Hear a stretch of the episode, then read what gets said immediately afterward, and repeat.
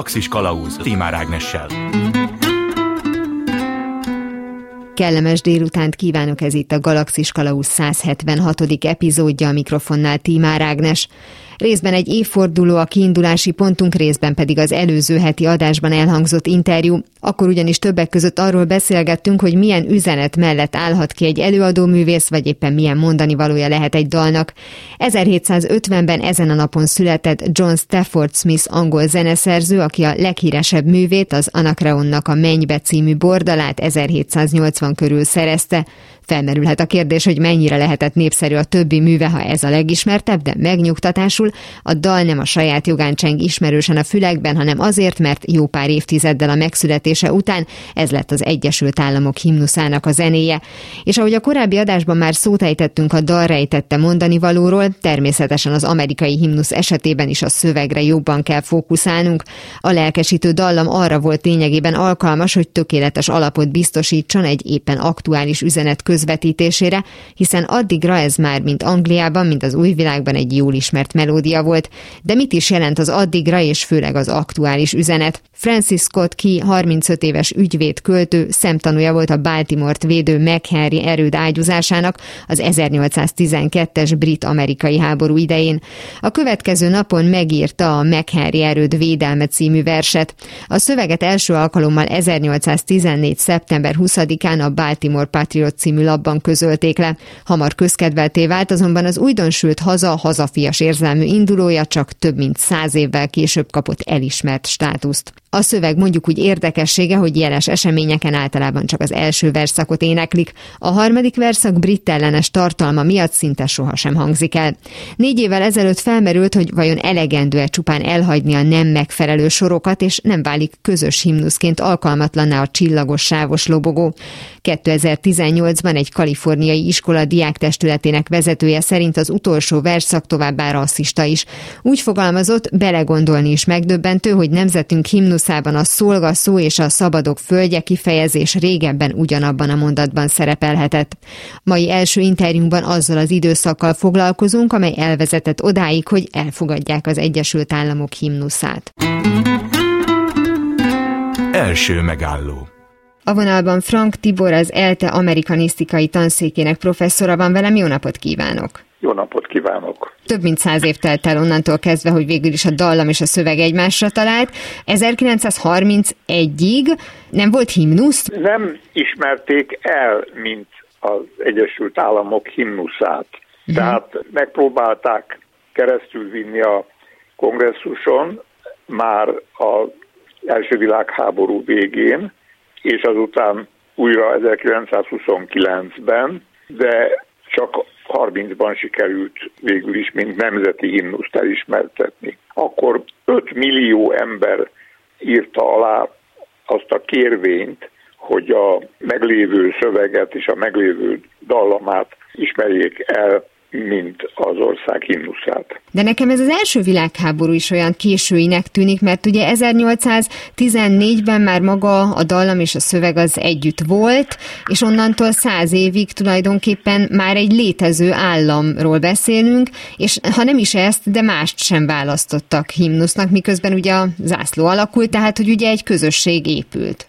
Igen, de hát sok országban a himnusznak az elfogadása sokkal később történt, mint a nemzetté válás. Tehát van egy fáziskésés a legtöbb helyen, hiszen a magyar himnusz is csak a 19. század közepétől vált általánosan elfogadottá. Akkor ugorjunk vissza időben, és talán lehet, hogy a függetlenségi háborúig kell. Ugye az 1812-es brit-amerikai háború annak idején miért volt szükséges, tehát hogy a függetlenséget ez már lezárta, vagy teljes mértékben elértétette?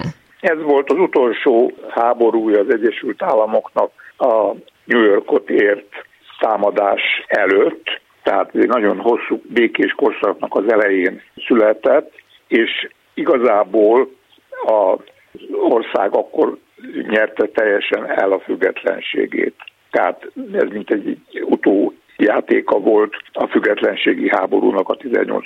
század végén. Azt olvastam több helyen, hogy ez volt az a kevés háborúk egyike, amelyet mindkét fél úgy vezetett be a saját történelem könyveibe, hogy végül is azért ezt majdnem megnyertük, vagy meg is nyertük, legalábbis nem veszítettünk benne. Igen, de a valóságban az amerikaiak igazából megnyerték ezt a háborút, és kiszorították az angolokat. Tehát az öröm, amit a himnusz szövege is kifejez, az a, a nemzetté válásnak a befejezését ünnepelte, a nemzetté válási folyamat pedig 1776-ban kezdődött a függetlenségi nyilatkozattal, amikor Amerika ténylegesen elvált Nagy-Britanniától. Tehát itt egy, egy hosszabb folyamatról van szó, mindkét esetben egyrészt az angol-amerikai viszony, hát majdnem azt lehet mondani, hogy 20 éven keresztüli állandó küzdelemben született meg, és azután még ráadásul majdnem ugyanannyi idő telt el, amíg az angolokkal a küzdelem befejeződött. Ugye hát ezt valóban mindenki tudhatja, aki ismeri az Egyesült Államok himnuszát, hogy van egy nagyon lelkesítő dallama, méghozzá egy nagyon lelkesítő szövege, de arról is lehet tudni, hogy igyekeznek csak az első verszakot énekelni. A harmadik az egyrészt túl konkrét, tehát az aktuális esetre vonatkozóan íródott meg, másrészt a brit ellenessége, vagy adott esetben most már ugye rasszista felhangokat is találnak benne, emiatt ki is hagyják a hivatalos események közül. 1931-ben nem merült föl már, hogy tulajdonképpen száz évvel vagyunk azután a történet után, amiről szól ez a, a dal, hogy biztosan ezt kell nekünk választani himnuszul. A fehérek és a feketék közötti éles választóvonal az természetesen megvolt már a 19. század polgárháború óta, de a közgondolkodásban még a feketéknek és a feketékkel kapcsolatos politikának a kiszorítása az nem volt olyan világos megosztója az amerikai pártviszonyoknak. És a brit ellenesség, mert hát itt egyértelműen erre az 1812-es háborúra vonatkozott a szöveg, azzal úgy voltak, hogy azért eléggé általánosnak vehető ahhoz, hogy akár ez örökké megmaradjon? A brit ellenesség az csökkent az első világháború után, hiszen Amerika és Anglia együtt küzdöttek, mint az Antant hatalmak a németek és az osztrák-magyar monarchia ellen. Tehát volt egy fegyverbarátság már, amire azután ez a szöveg is bizonyos mértékben elfogadottá vált, és föl is épült. Az akkori hangulatban még a rabszolgatartás eléggé természetes volt, Washington, vagy Jefferson, vagy Franklin is a rabszolgatartók közé tartozott, tehát ez a gondolkodásmód, amelyiket még száz évvel később is elfogadtak, az jellemezte az amerikai politikai érzületet. És most, hogy majd, hogy nem újabb száz évvel vagyunk utána, és valóban lehet hallani olyan történeteket, amikor mondjuk például iskolában már nem éneklik el, vagy egyes iskolákban diákkérése nem éneklik el, pont akár mondjuk a vélt vagy valós rasszista felhang miatt felmerülhet olyan, hogy egy ekkora nemzet, vagy akár bármely nemzet számára egy ilyen régóta meglévő himnuszt átalakítsa, lecserélje esetleg? Azért nem merül föl, mert az iskolákban általánossá vált a feketék részéről a fehér örökségnek a támadása. Csak egy példának említem meg, hogy például Woodrow Wilson amerikai elnök, az első világháborús időszak elnöke, kiváló professzora volt a Princetoni Egyetemnek, és ott róla elneveztek egy nagy intézetet. És most a fekete diákok követelésére ezt a nevet, hogy Woodrow Wilson, aki pedig hát jelentős professzor, sőt elnöke volt az egyetemnek, ezt levették az intézet megerőléséből, mert Wilsonnak voltak annak idején rasszista kijelentései is. Egy másik példát is mondok, Mark Twainnek a nagyon híres regénye, a Huckleberry Finn kalandjai direkt megszámolták, hogy ebben a regényben az egyébként közismerten emancipáció párti, fekete párti nagy amerikai író 219-szer használta a nigger szót.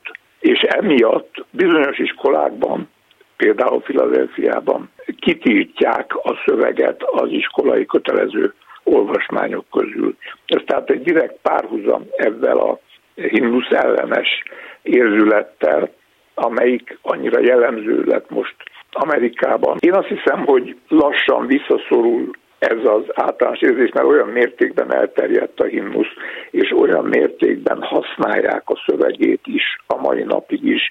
Ugye minden sporteseményen a jellegzetes kézmozdulattal, amivel az amerikaiak a szívükre teszik a jobb kezüket, és a himnusz mint egy elveszítette a konkrét jelentését, ezeket a szavakat kiejtik, de nem feltétlenül gondolnak arra, hogy mi is a pontos jelentése 1814-ben vagy 1931-ben. Van egy olyan hagyomány Amerikában, amelyik élteti ezeket a klasszikus szövegeket, és természetesen Mark Twain a legtöbb iskolában ma is kötelező olvasmány. Nagyon szépen köszönöm Frank Tibornak, az ELTE amerikanisztikai tanszékének professzorának, hogy mindezeket elmondta. Én is köszönöm a lehetőséget. 42. Mihez tudjátok, hogy mi a kérdés, érteni fogjátok a választ is. Az egy zászló alá tartozás épp annyi előnyel járhat, akár kulturális értelemben, mint amennyi súrlódáshoz vezethet, hogy vajon a közös állam, egy közös szövetség feljogosítja a tagokat, hogy osztozzanak egymás kultúrájában, átvegyenek esetleg át is alakítsanak szokásokat, erről is beszélgetünk a folytatásban.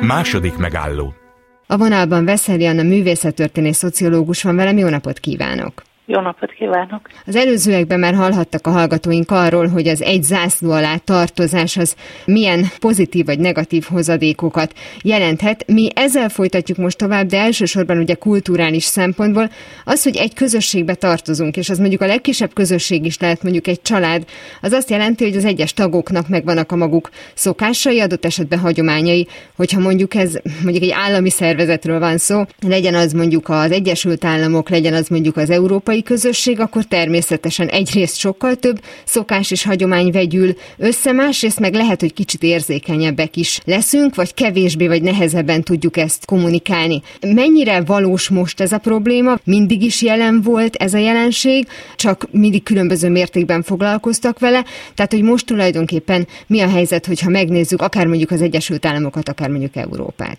Óriási a kérdés, szóval túlságosan nagy területet fog át, de azért megpróbálom mondani. Tehát azt gondolom, hogy magán az emberi érintkezésben, meg akár a kulturális alkotásnak a szintjén is több síkon érvényes ez a probléma. Például megkülönböztették 20. század elején már a szociológiában a civilizatorikus szintet és a kulturális szintet. Ha most, hogyha Amerikáról beszélünk, tehát az Egyesült Államokról, nem csak az egyes bevándorló csoportoknak, vagy akár a feketéknek van meg a maguk saját kultúrája, tehát hagyományai, nyelvhasználata, érdeklődése, és így tovább, hanem van egy civilizatorikus szint, ahogyan az emberek egymással beszélnek, akik különböző kulturális közegekből, csoportokból jönnek, és ezt nagyon érdekes látni, hogy egy közép-amerikai bevándorló ott van egy-két hónapja már, de pontosan tudja, hogy milyen módon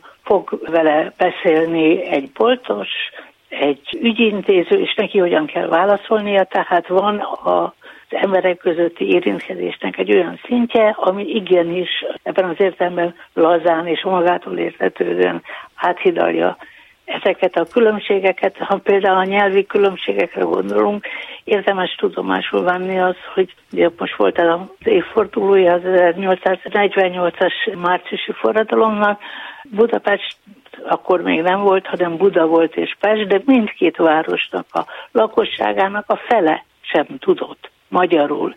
És ennek ellenére ez a lakosság aktívan részt vett a függetlenségi küzdelemben a Habsburgok ellen.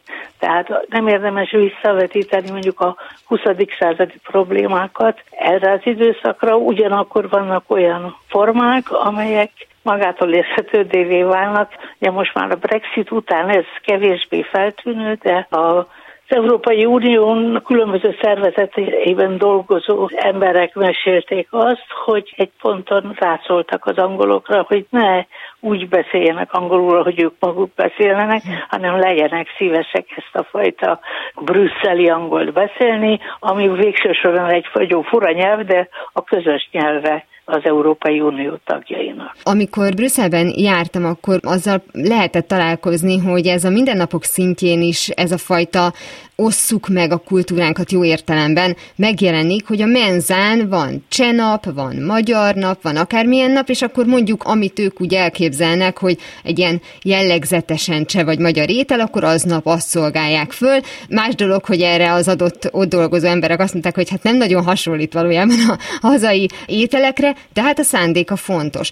Tehát itt azért mindig ugye nyilván azt kell vizsgálni, hogy ez a fajta megmutatom, hogy nyitott vagyok a te kultúrád iránt, azért ez mindig érződik, hogy én most ezt rossz szóval használni akarom, vagy tiszteletet akarok mutatni. Én nem érzem ezt a különbséget, a használni akarom, vagy tiszteletet akarok mutatni, ha meg, amennyire ismerjük az európai kultúra történetét, de már a régi görögök, hogy szokták mondani, tehát kezdettől folyamatosan jelen van, és nagyon fontos a különböző más városok, más országok, más népcsoportok kultúrájából való folyamatos átvétel is kölcsönhatás. Ahol ez problémának tűnik, én nem hiszem azt, hogy Nyugat-Európában azt hiszik, hogy a gulás az a pörkölt, vagy még az se, tehát nem, hogy, hogy egy leves volna. Ezzel nem érzem magamat sem kisajátítva, sem megsértve. Teljesen természetesen minden nép a maga szája íze szerint és szokásai szerint vesz át. És az érdekes az, hogy egy öntudatos közösség büszke arra, hogy terjednek a szokásai, terjednek a kulturális termékei, vagy egyáltalán mindenféle újítása, ezzel szemben egy önmagában bizonytalan, a saját identitásában, a saját erejében, saját súlyában bizonytalan közösség az, amelyik kisajátításként, veszélyként éri meg azt, hogy bármi átkerül az ő kultúrájából másokhoz. Mi különben büszkék vagyunk, hogy büszkék vagyunk egy Rubik kockára, hogy bejárja a világot, de büszkék lehetünk rengeteg olyan magyar eredetű tárgyra, szokásra, amely számos országban magától értetődő részévé válik a mindennapi kultúrának. Amikor például mondjuk egyes etnikumok azt gondolják, hogy az ő kultúrájuk iránt nem tiszteletet mutattak, hanem azt használták, akár mondjuk reklámcélra, bármi, tehát egész egyszerűen csak éltek vele, mert nekik tetszett az a, az a szokás. Mondjuk például átveszünk Szent Patrik napi szokásokat, ezen szerintem még egyetlen ír sem sértődött meg, de amelyik igen, attól bocsánatot kérek. Tehát, hogy olyan népek érzik ezt esetleg esetleg mondjuk kisajátításnak, akik korábban már egyébként más szinten vagy más dimenzióban megélték ezt. Tehát mondjuk, hogyha az amerikai Egyesült Államok esetében vesszük azt, hogy mondjuk latinó szokásokat beépítenek az amerikai kultúrába, akkor azt gondolják, hogy őket mondjuk nem engedték be teljes joggal, de azért, ami tetszik nekik, azt elveszik. Ez nem igaz, szóval ez mm. nincs is így. A latinó kultúra terjed az Egyesült Államokban már csak azért is, mert a latinó népességnek az aránya egyre nagyobb. Ugye most volt ez a híres probléma a cancel culture, tehát hogy, hogy ott állnak a város közepén olyan emlékművek, szobrok, amelyek a tüzelvassal gyarmatosítóknak állítanak emléket, uh-huh.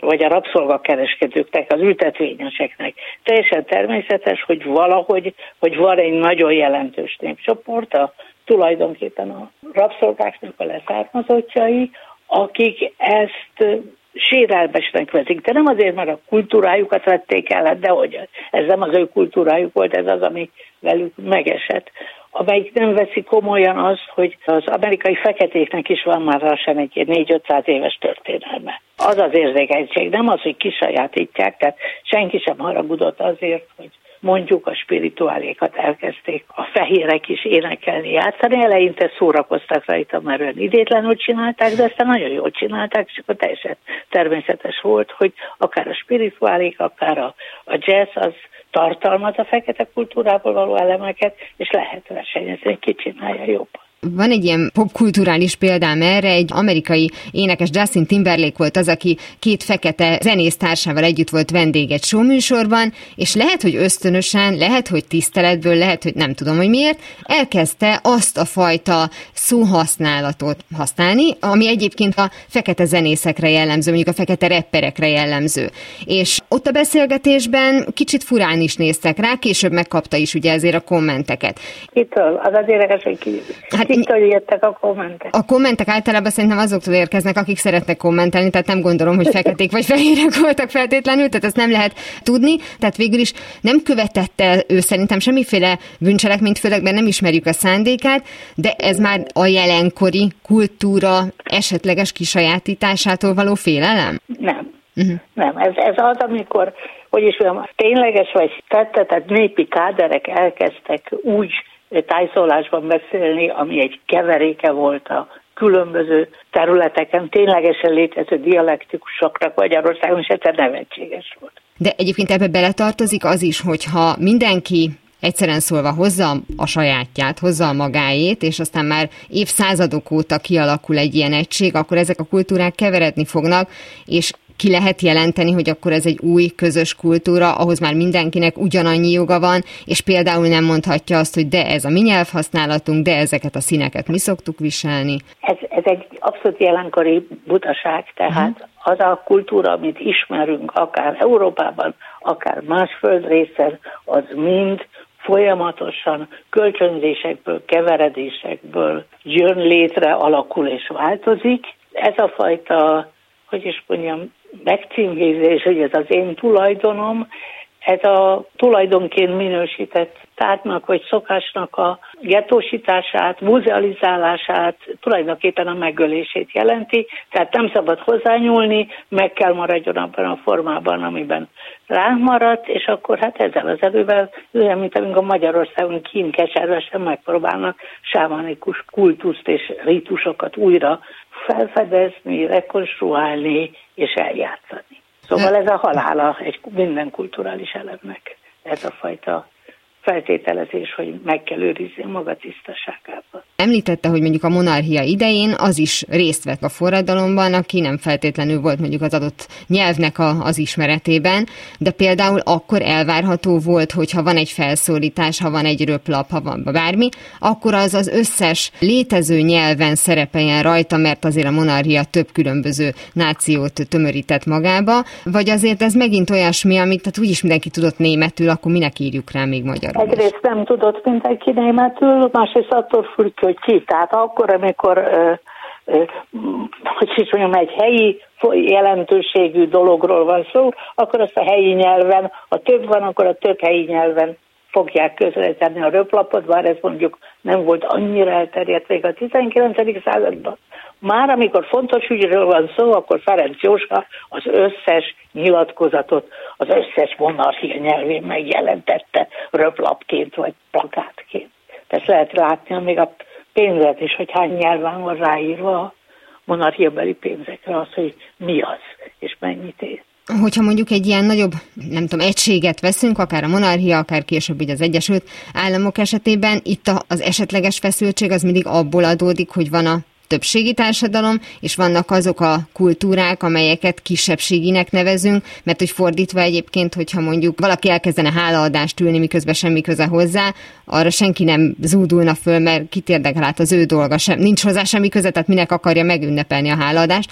Tehát, hogy itt ez mindig többségi, kisebbségi kérdés szokott lenni, abból szokott lenni a, a konfliktus? Minden viszonylag differenciált társadalom kisebbségekből áll, és amit többségnek neveznek, az mindig valamilyen helyzethez kapcsolódó koalíciók, tehát bizonyos kisebbségek koalíciója. Tehát, hogy mikor van az, amikor mondjuk az Egyesült Államokon belül ez egy nyelvi koalíció, mikor ez egy vallási, mikor egy politikai, mikor egy szakmai, vagy egy valamely államhoz, vagy valami, azon belül valamely vidékhez kapcsolódó, ez nagyon sokféle lehet. Tehát a, az egyik legnagyobb torzítás az, amikor azt feltételezzük, hogy vannak a, van a többségi társadalom, és aztán vannak a kisebbségek. De ez nem így működik. Az nyilvánvaló, hogy vannak olyan koalíciók, amelyek sokkal több hatalmat, erőforrást tudnak mozgósítani, mint a többi, de ez nem azért, mert ez egy magától értetődően létező kisebbség, hiszen minden csoport sokkal több törésvonal, vagy, vagy egyáltalán határvonal mellett tagolódik. Csak érdemes belegondolni, hogy milyen komoly különbség lehet a írástudók és az írástudatlanok között ugyanabban a nyelvi közösségben, vagy vallási közösségben, de akár a szakmai, tehát a Budapest és a vidék, az nem csak egy magyar sajátosság, hanem egészen, ahogy sem a Butoska jelenleg ilyen Hallmark filmekig az amerikai tévében újból és újból látja az ember, hogy a City boy, country boy, city girl, country girl, ez egy alapvető probléma, és erről képesek újra és újra beszélni. Hamarosan folytatódik a Galaxis Kalausz, benne az interjú Veszeli Anna szociológus művészettörténésszel.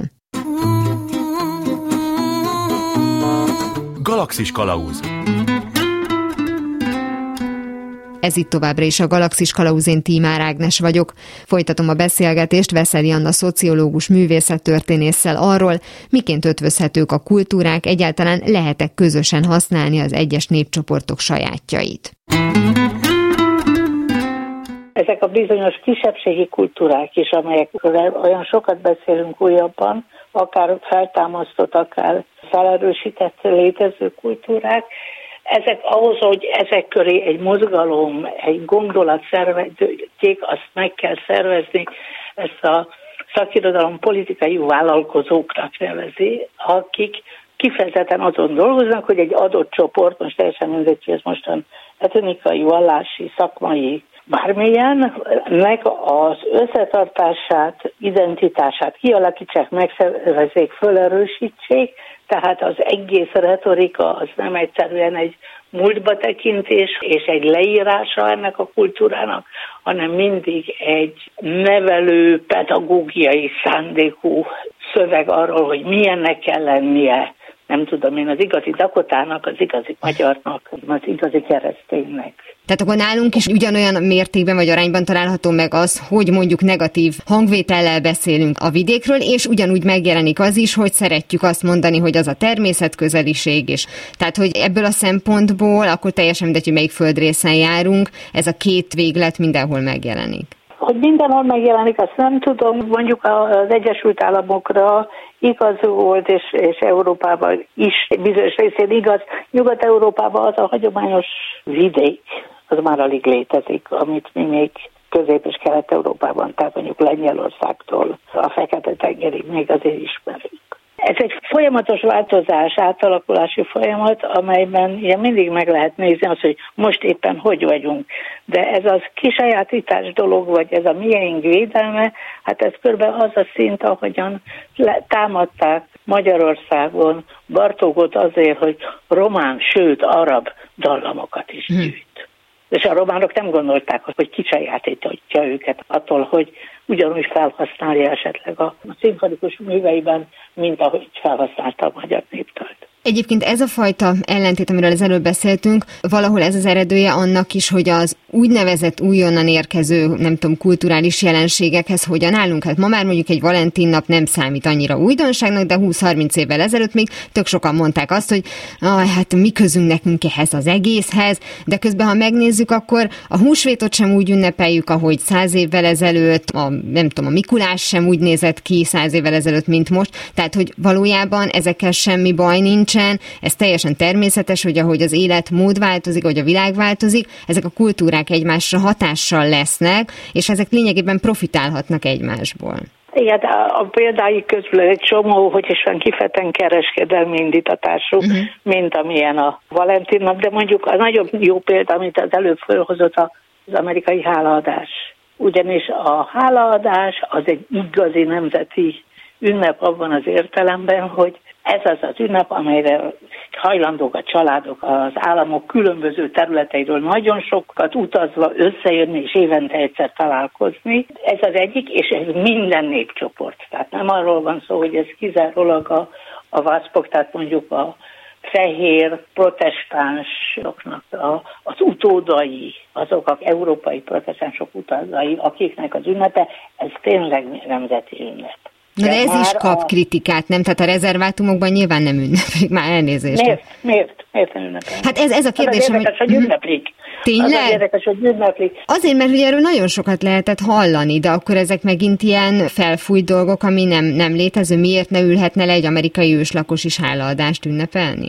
Hát az, mikor tényleg ez a közös ünnep, és hát a háladás nem arról szól, hogy kiirtottuk az indiánokat, hanem arról, hogy épségben megérkeztünk az új világba, és akkor itt most letelepettünk. De hát mondjuk ez a, hát veszünk szokásokat, jó, hát ezek, ezek érdekesek, van, ami jól esik, van, ami, ami furcsa, egy sem kötelező, és ami nagyon fontos, hogy nem arról van hogy kultúrák hatnak egymásra, hanem emberek vesznek át kulturális termékeket, szokásokat másoktól. Ugyanúgy a saját világokon belül, mint ami, ami kívülről érkezik. Nagyon szépen köszönöm, Veszeli Anna, szociológus művészettörténész volt telefonon a vendégem. Szívesen. Utak? Ahová megyünk, ott nincs szükség utakra. Ahogy a többségi és a kisebbségi kultúra egymásra hatása kérdéseket vethet fel, úgy meglepő jelenségekkel találkozunk az egymással semmilyen aláfölé rendeltségbe sem tartozó hagyományok esetében. Ezt örökítette meg Judah Passo fényképész, aki két éven át látogatta Skócia főbb városait, valamint távoli szigeteit, és fényképező gépével dokumentálta azok zsidó közösségeit. A 80 darab fekete-fehér képből álló kiállítás a skóciai zsidó élet komplexitását és diverzitását mutatja be, és 2016-ban bejárta vele a fényképész Amerikát, Kanadát és Európát. Skóciában az 1700-as évek óta élnek zsidók, a közösség mindig is büszke volt arra, hogy milyen gyorsan megtalálták a helyüket a társadalomban, miközben saját hagyományaikat is megtartották. Pászó felvételei hangulatos életképeket örökítenek meg, láthatunk egy bárányait hazaterelő zsidó pásztornőt, zsidó viszki szakértőt egy lepárló üzemben, vagy éppen egy skót zsidó esküvőt, ahol a férfi férfi vendégek kiltet és kipát is viselnek. És ha már az öltözködésnél tartunk, a legszembetűnőbb példája a kulturális jelleg megjelenésének talán a viselet. Régi hagyománya van annak, hogy a divat konkrét etnikumok motivumait használja fel, azonban csak az utóbbi időben lehet arról gyakrabban hallani, hogy ez veszélyeket is rejthet magában.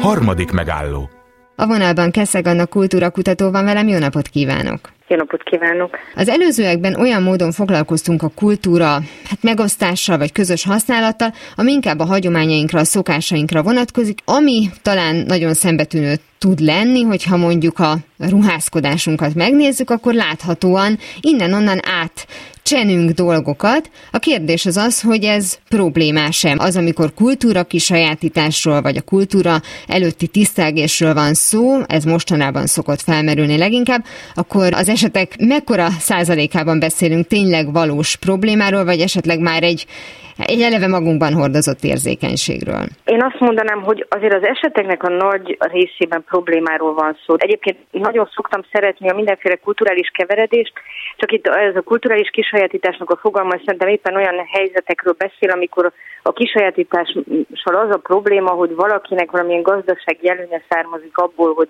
átvette annak a kultúrának az értékeit, amelyel éppen foglalkozik. Hát, hogy általában a kulturális kisajátítás az a divatban olyan jelenségekre szokott vonatkozni, amikor egy-egy nagy divatmárkának a tervezője elkezdi egy adott kultúrának a szimbólumait használni a saját terveiben, utal ugyanaz adott kultúrára, de hát mégis ő az, aki egyrészt lefölözi a nyerességet, Másrészt pedig van a másik típusú vesztesség, hogy ilyenkor van egy ilyen kontextusvesztés ezeknek a, a szimbólumoknak, és hogy akkor nem lehet tudni, hogy azokat az eredeti kontextusban mire használták, és akkor ez a kettő. Hogy lehet ezt a kontextust pontosítani? Hát igen, tehát hogy itt például ilyen különbséget szoktak mondani, hogy van egy néhány olyan nagy divattervező divattörténetben, aki így sorozatosan így visszatér az ilyen típusú rossz kulturális kisajátításnál.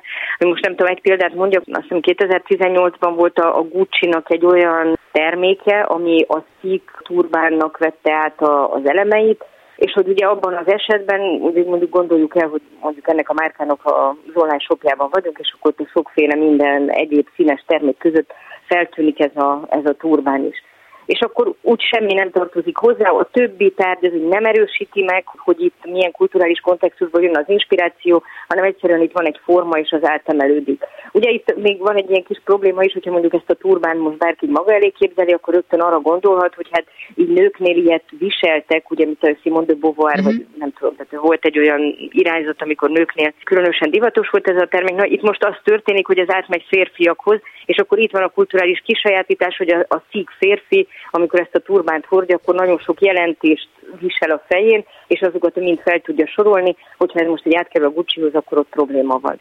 Na, de hogy ugye vannak olyan tervezők, akik viszont sokkal gondosabban odafigyelnek arra, hogy ezek az átemelések, ezek így lábjegyzetelve legyenek, most, hogy mondjunk egy ilyen divatban mondjuk nem annyira szokványos metaforát, hát hogy itt például a Christian Lacroix-t szokták kiemelni, aki ugye már elég rég önálló kollekciót nem tervez, viszont nagyon sok együttműködése van, és hogy ő például működött úgy együtt indiai márkával, hogy szépen kikutatták az egyes formáknak, stb. a helyi jelentését, és hogy úgy kerültek be ezek a, a tárgyak egy összeállításba, meg egy online shopnak a kínálatába, hogy egymás mellett volt mondjuk egy olyan, ott például egy ilyen férfi cipőről, szintén indiai inspirációi cipőről volt szó, hogy mellé került egy olyan nadrág is, aminek a textúrája felidézte a helyi divatnak és öltözködés kultúrának egyes elemeit. Úgyhogy igazából a példáim is szerintem azt mutatják, hogy iszonyatosan vékony az a határ, meg iszonyatosan fluid ez a határ, én mindig azt szoktam mondani, hogy szerintem itt az intenció az, amihez vissza kell menjünk, hogy mennyire csinálta meg valaki ki komolyan azt a munkát,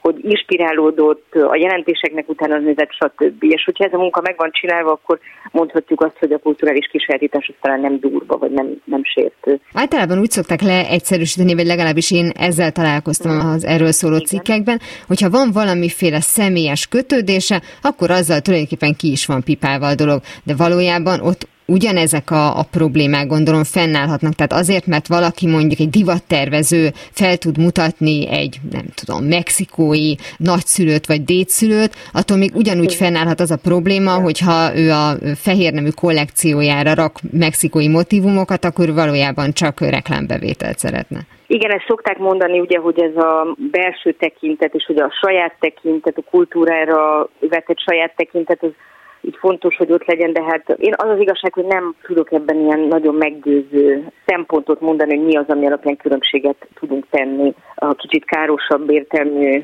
kisajátítás és nem káros között. Szerintem ez teljesen arról szól, hogy ilyen esettanulmányokat kell felépítenünk, és szépen megnézni minden esetben, hogy mi történik, és akkor, akkor talán a sok érnek az egymás mellé helyezés az segíthet, hogy eldöntsük, hogy ez bennünket zavar, vagy itt nem arról van szó. Mondok egy példát, hogy Kim Kardashianról van, van például egy olyan kép, egy összeállítás, ami megjelent önállóan a saját social media felületein, ez is szintén egy indiai példa, és akkor ott a kommentelők nagyon lehúzták, hogy visszaír az indiai tradicionális viseletnek bizonyos elemeivel. Aztán amikor ugyanez a kép Vogue címlapra került, egy ilyen következő tárolásban, akkor ott meg, mivel visszakapta ezt az egész indiai kontextus, az indiai vógnak a címlapján jelent meg, akkor ott meg teljesen ezek a, az ellenérvek már nem jelentek meg, mert úgy vették, hogy akkor az most egy autentikus helyszín, hogyha az indiai vóg autorizálja, akkor ott így nem történik meg ez a jelentés eltulajdonítás. És ezért mondom megint, hogy a kontextus nagyon-nagyon sokat számít, hogy próbáljuk megérteni, hogy ott abban a helyzetben mi történik. Mondok egy másik példát, mert engem például az nagyon foglalkoztat, hogy mi történik Kelet-Közép-Európával. Tehát ugye így érdekes, hogy itt a példák, amiket sorolunk, azok így a, a globusnak milyen részeiről származnak, tehát itt valóban mondjuk Afrika egy olyan terület, India egy olyan terület, tehát olyan régiók, ahol még ma ugye a tradicionális viselet napi használatban van, de ugye akkor ugye Kelet-Közép-Európában, ahol már úgy leszoktunk arról, hogy a tradicionális viseletet hordjuk, de az emlékezet azért ezt még megőrzi, ott mi történik a tradicionális viselettel, és hogy most például pontosan az ukrán helyzet kapcsán így nagyon sokszor látszott az, hogy a, mondjuk az ukrán viseletnek a motivumai azok így feltűntek kollekcióban, vagy a rájuk való utalás megjelent, és hogy pont ma egy ilyet láttam, hogy egy Alina Art Kolázs nevű ukrán médiaművész, ő csinált egy olyan sorozatot, ahol azokat a hírességeket, akik kiálltak most Ukrajna mellett, azokat ilyen jelentős fotóikon átöltöztette gyakorlatilag ilyen ukrán motivumos ruhákba, és akkor fekete-fehér képeken színessel jelenik meg az ukrán hímzésnek a motivum kincse. És hogy ez szerintem egy ilyen nagyon érdekes helyzet, ami mondjuk egy kicsit ilyen átfordítása ennek a kulturális kisajátításnak, hogy ezeket a sztárokat, akik megvédték Ukrajnát, ezekre meg rákerülnek ezek a motivumok, mint hogyha őket így a kultúra így legitimé tette volna a saját perspektívájából. Tehát, hogy tényleg itt olyan sokféle példát lehet felhozni, és mindig az a példának kell megnézni a kis összefüggéseit, és onnan lehet aztán ítéletet mondani, hogy, hogy pontosan mi is történt. Ha már egyébként a más népeknek a jellegzetes motivumainak a használatánál tartunk, ugye nem egyszer látunk például akik hírességeket is vörös szőnyegen, matyóhímzéses mintájú ja. ruhában. És akkor erre ugye az a kérdés, hogy most nekünk el kell kezdeni azért, hát nem tudom sopánkodni, hogy hát most éppen kisajátítják a kultúránkat, mert mondjuk XY filmszárnak egyáltalán nincsenek magyar felmenői, lehet, hogy azt sem tudja, hogy pontosan hol van Magyarország, de annyira szépek egyébként ezek a hímzések, hogy miért ne rak rá, rá ruhára, vagy pedig telerakjuk ezekkel a képekkel a magazinokat, és büszkén azt mondjuk, hogy hát tessék, legalább ilyen módon szó esik a magyar kultúráról. Én általában azt szoktam mondani, hogy szerintem nekünk az a jó, hogyha így a kommunikációs flókban benne vagyunk, de én például szoktam ennek örülni, hogyha magyar hímzés megjelenik, vagy a bármelyik. Aztán itt még olyan megoldásokat lehet látni, mondjuk erre akkor mondjuk így magyar példát, hogy mondjuk a Nanuska Márka, az most már így látszik, hogy elég régóta csinál olyan fajta hát ilyen motivumát értelmezéseket én, én így fogalmaznék, ahol átveszik a nemzeti motivumnak egy-egy formáját, de hogy azt annyira absztrahálják, hogy az már szinte a felismerhetetlenségig megy, de hogy mégiscsak nyomaiban ott van. És hogy a, aki mondjuk egy ilyen nagyon elkötelezett fogyasztó, és akkor ugye most már ez a márka például ez tényleg ilyen nagyon nemzetközi vizeken nevez, akkor az ott utána nézhet, hogy igazából az a hímzés hogy nézett ki, és hogy akkor ott tényleg van egy ilyen kicsi jelentés visszatisztítási folyamat egy nagyon divattudatos fogyasztó esetében. Én például ezeket a példákat szeretem nagyon, amikor tényleg ez történik, hogy látszik, hogy a kreatív átvétel az, az csinál így valamit a termékkel. Ugyancsak itt kelet-európai motivumokkal mondjuk az, amikor a, a Mátisnak a román népi blues festménye alapján történik meg az, hogy a Jean-Paul Gaultier kollekcióba bekerül egy ilyen blues, akkor ott most hát tényleg az van, hogy az eredeti kulturális termékből lesz egy olyan elitkulturális átvétel, amiben a visszanyomozás folyamata sokkal érdekesebb, mint hogy itt tényleg így jelentéshez tulajdon és hát test történik, vagy vagy bármi egyéb. Hogyha mondjuk egy magyar tervező használja ezeket a motivumokat, még hogyha át is alakítva, és egyébként nemzetközi piacra szánja részben, de hát azért nyilván a magyar fogyasztó számára is elérhető, hogy a magyar fogyasztó számára mit fog jelenteni. Nem tudom, hogy más országok egyébként hogyan kezelik a saját divattal kapcsolatos kulturális motivumaikat, de hát nálunk azért láthatóan van egy nagyon ambivalens érzés. Tehát, hogyha valaki fölvesz egy jellegzetes sújtásos kabátot, annak mindig lesz egy plusz jelentés tartalma, és nem tudunk, egyszerűen nem állhatunk meg ott, hogy egyébként az egy gyönyörű kabát. Hát igen, így van, meg ráadásul szerintem itt az is egy probléma, például a sújtásos kabáttal, hogy a, a sújtásos kabátnak a kulturális eredete az ilyen nagyon sokféle, és hogy az ugye a magyar nemesi öltözetnek is része, de aztán a magyar nemesi öltözetből csináltak belőle díszruhát adott korszakokban, és hogy ilyenkor, amikor mondjuk egy sújtásos kabát van, akkor szerintem pontosan ezzel van a probléma, hogy, hogy nagyon nehéz megállapítani, hogy mi az a kulturális eredet, amire itt az illető igazából utalni akar. Ugye simán azt mondja, hogy ez egy ilyen magyar ruha, most ezt tegyük ilyen iszonyat sok idézőjelbe, akkor annak így nem nagyon van jelentése, mert akkor mi az a magyarság, ami, aminek ez a ruhája. Tehát, hogy azt hiszem, hogy érthető, hogy tényleg ez egy ilyen nagyon fluktuáló forma igazából, és hogy, szerintem azért is van ez az ambivalencia bennünk, amikor azt látjuk, hogy mondjuk ilyen magyar motivumok megjelennek sztároknak, magyar sztároknak az öltözködésében, mert valahogy ezt hiányoljuk, hogy ez mennyire értettek komolyan. Hogyha mondjuk két Blanchett jelenik meg egy ilyen magyar motivumú ruhában, akkor ott kevésbé zavar bennünket, mert azt gondoljuk, hogy oké, ez egy szép gesztus velünk szemben, ő megpróbálta,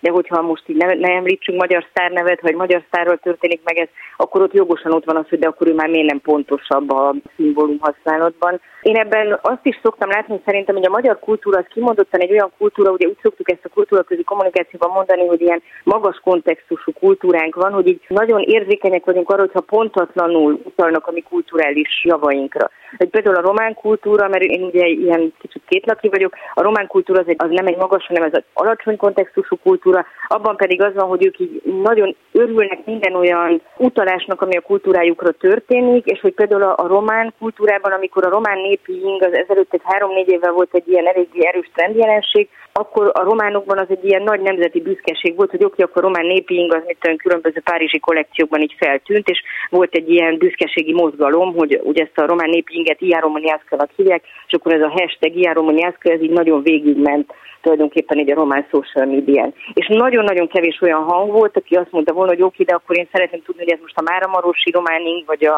ami ugye nem is biztos, hogy román, hanem ott más jelentések is vannak, vagy pedig mondjuk ez a fogarasi, vagy a stb.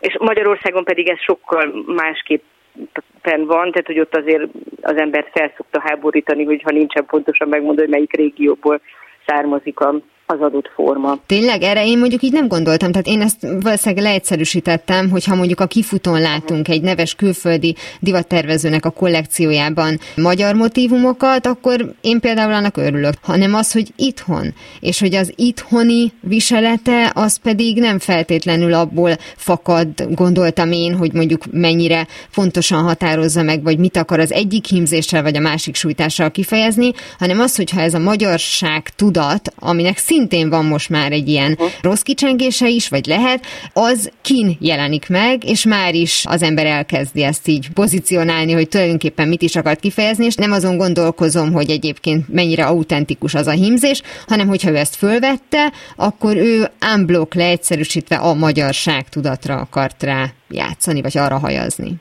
Igen, e- ez is egész biztosan, hogy van, hogy, hogy van bennünk ez a fajta, nem tudom, hát ilyen, szerintem teljesen jogos elvárás egyébként, hogy akkor a, az a nemzettudat, aminek a nevében valaki viseli ezeket a dolgokat, az így hogy van meghatározva, hogy mit akar vele, milyen ideológiai, kommunikációs funkció van.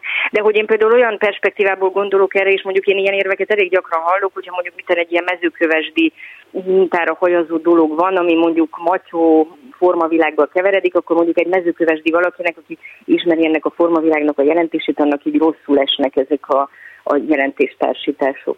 Mm. Úgyhogy ezt ne felejtsük el, hogy azért az elmúlt években így a, a táncház mozgalom, meg egyébként is a, a népi kultúra az való visszatérés az így nagyon megtörtént, és hogy például én mondjuk ilyen hajdubihar környékén nagyon sok olyan fiatalt ismerek, akik elég pontosan ismerik ezeknek a szimbólumoknak a jelentését, és így számon is kérik, hogy a mondjuk ezekben így slendrián módon vannak lehivatkozva a, a jelentések. Azért is kérdeztem, hogy mondjuk esetleg más nemzeteknél ez hogyan nézhet ki, mert azt hiszem, hogy a legklasszikusabb példa az mondjuk a skót szoknya esete, ami azon kívül, hogy én nem tudom, hogy a skótok hogyan viszonyulnak ma, vagy hogyan viszonyultak egykor ahhoz, hogy bekerült a teljesen széleskörű felhasználásba a divatvilágon belül, ahogy ahhoz is, hogy utána később már egy pankultúra is ráépült, pedig lehet, hogy vannak olyan erős skót identitással rendelkező emberek, akik azt mondják, hogy hát engem nagyon idegesít, hogy különböző, hirtelen akartam mondani ezt a tervezőt. Alexander McLean. Nem, nem, nem, nem, nem.